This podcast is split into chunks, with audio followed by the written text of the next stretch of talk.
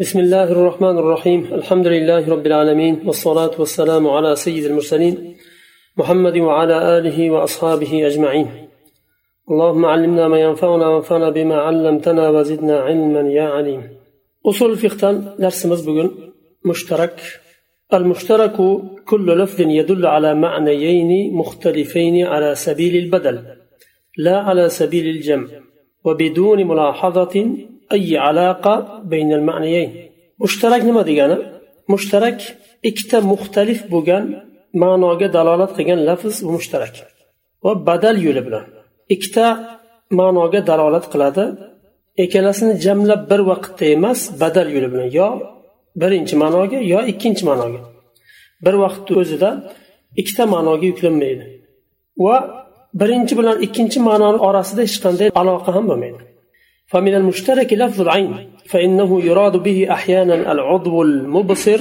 من الإنسان أو الحيوان ويراد به أحيانا أخرى الذهب ويراد به الجاسوس ولفظ القرء يراد به الحيض ويراد به الطهر مشترك لفظ لردن عين.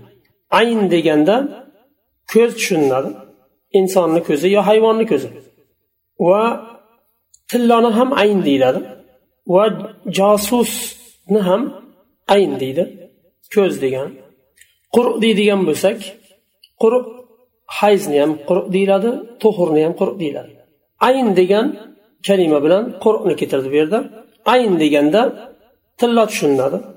Yo insonni ko'zi tushuniladi hayvonni ko'zi tushuniladi.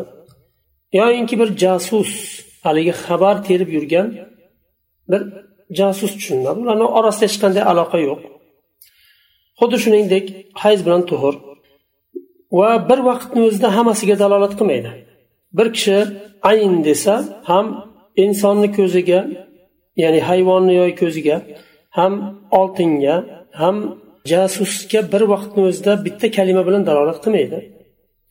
Shuning uchun la ala sabilil jama dedi. Ala sabilil badal dedi. Shu ma'nolardan bittasigagina dalolat qiladi والاشتراك ظاهرة لغوية تنتج عن أسباب متعددة. اشتراك كلمة مشترك بلشي bir lug'aviy narsa u va bir nechta sabablardan منها أن تستعمل الكلمة استعمالا مجازيا ثم يكثر الاستعمال المجازي وتنسى العلاقة بالمعنى الحقيقي فيعود اللفظ حقيقة في المعنى الجديد فيكون لللفظ حقيقتان. فمن ذلك استعمال العين في الجاسوس سمي عينا مجازا لأنه يكثر من استعمال عينه في التجسس. ومع مرور الزمن نسيت العلاقة بالمعنى الأصلي وبقيت تسمية الجاسوس عينا حقيقة. فكان لللفظ معنيان فكان مشتركا. Endi bir nechta sabablardan kelib chiqadi dedi kalimani mushtarak bo'lishligi endi sabablarni bu yerda aytilyapti ba'zilarini sabablaridan. Kalima ba'zan majoziy ma'noda ishlatilinadi undan keyin masalan aytaylik jasusni ayn deydi ko'z deydi. Jasus bir insonni ko'z deydi. Bu majoziy ma'no. Nima uchun majoziy? Ko'zini ko'p ishlatgani uchun shu. Ko'zi bilan odamlarni orqasidan tekshirib yurgani uchun. Shu iste'mol majoziy ma'nosi ko'p qo'llaniladi. Ya'ni ayn so'zi majoziy ma'noda ko'p qo'llaniladi. Va sekin sekinlik bilan zamonni o'tishi bilan o'zini haqiqiy ma'nosi unutilinadida majoziy ma'no haqiqiy nimani o'rniga qoladi.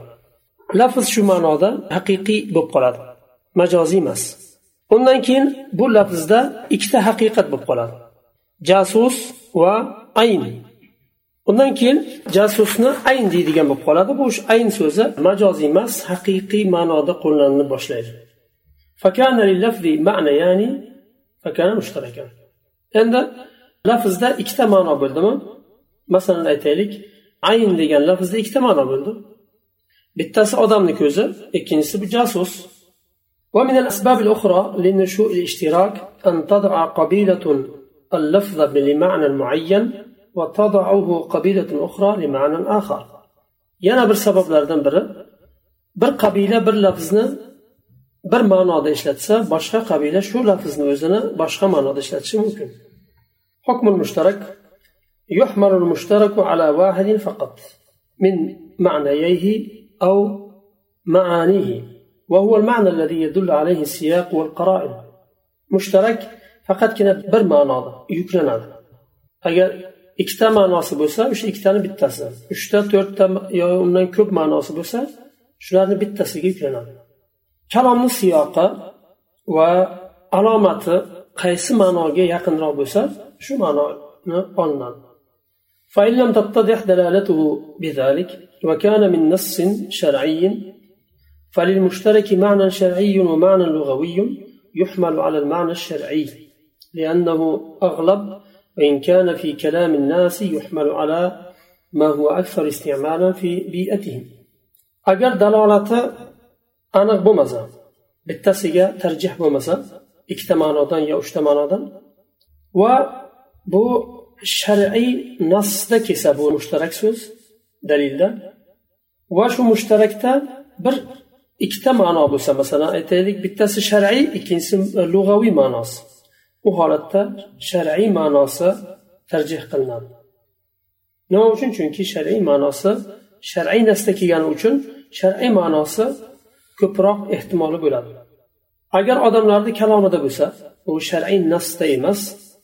U holatda odamlarni urf odatlariga qaranadi shu kalimani odatan odamlar qaysi ma'noda ko'proq ishlatadi o'shanga qarab hukmni chiqariladi.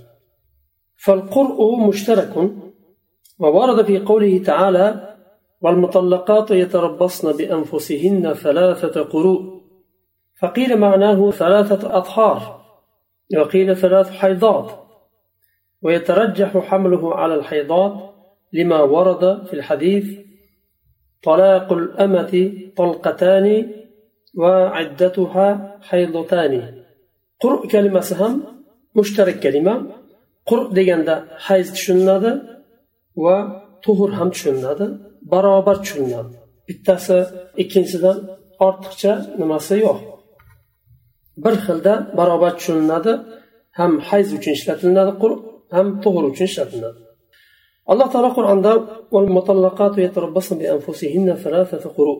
talab qilingan ayollar uch quruq idda tutadilar dedi. Uch hayzmi yo uch tug'urmi ba'zilar uch tuhur dedi ba'zilar uch hayz dedi. Bu yerda muallif rahimalloh tarjih qilyaptilar.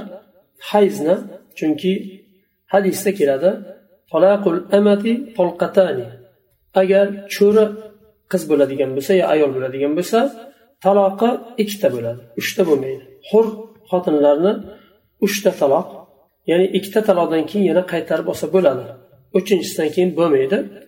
Ammo agar cho'ri xotinlar bo'lsa ikkita taloqdan keyin qaytarib olib bo'lmaydi. Va ularni iddasi uch hayz emas ikki hayz. Shuning uchun va iddatuha haydotani ikkita hayz deb hayz bu yerga zikr qilindi. Quruq deb oyatda quruq kelgan bo'lsa hadisda hayz bo'lib keldi. Shuning uchun muallif rahimalloh hayzni tarjih qilyaptilar. Shu yerda to'xtaymiz keyingi darsda inshaalloh. mutlaq bilan muqayyatdan davom etamiz subhanak allohumma bihamdik أشهد أن لا إله إلا أنت أستغفرك وأتوب إليك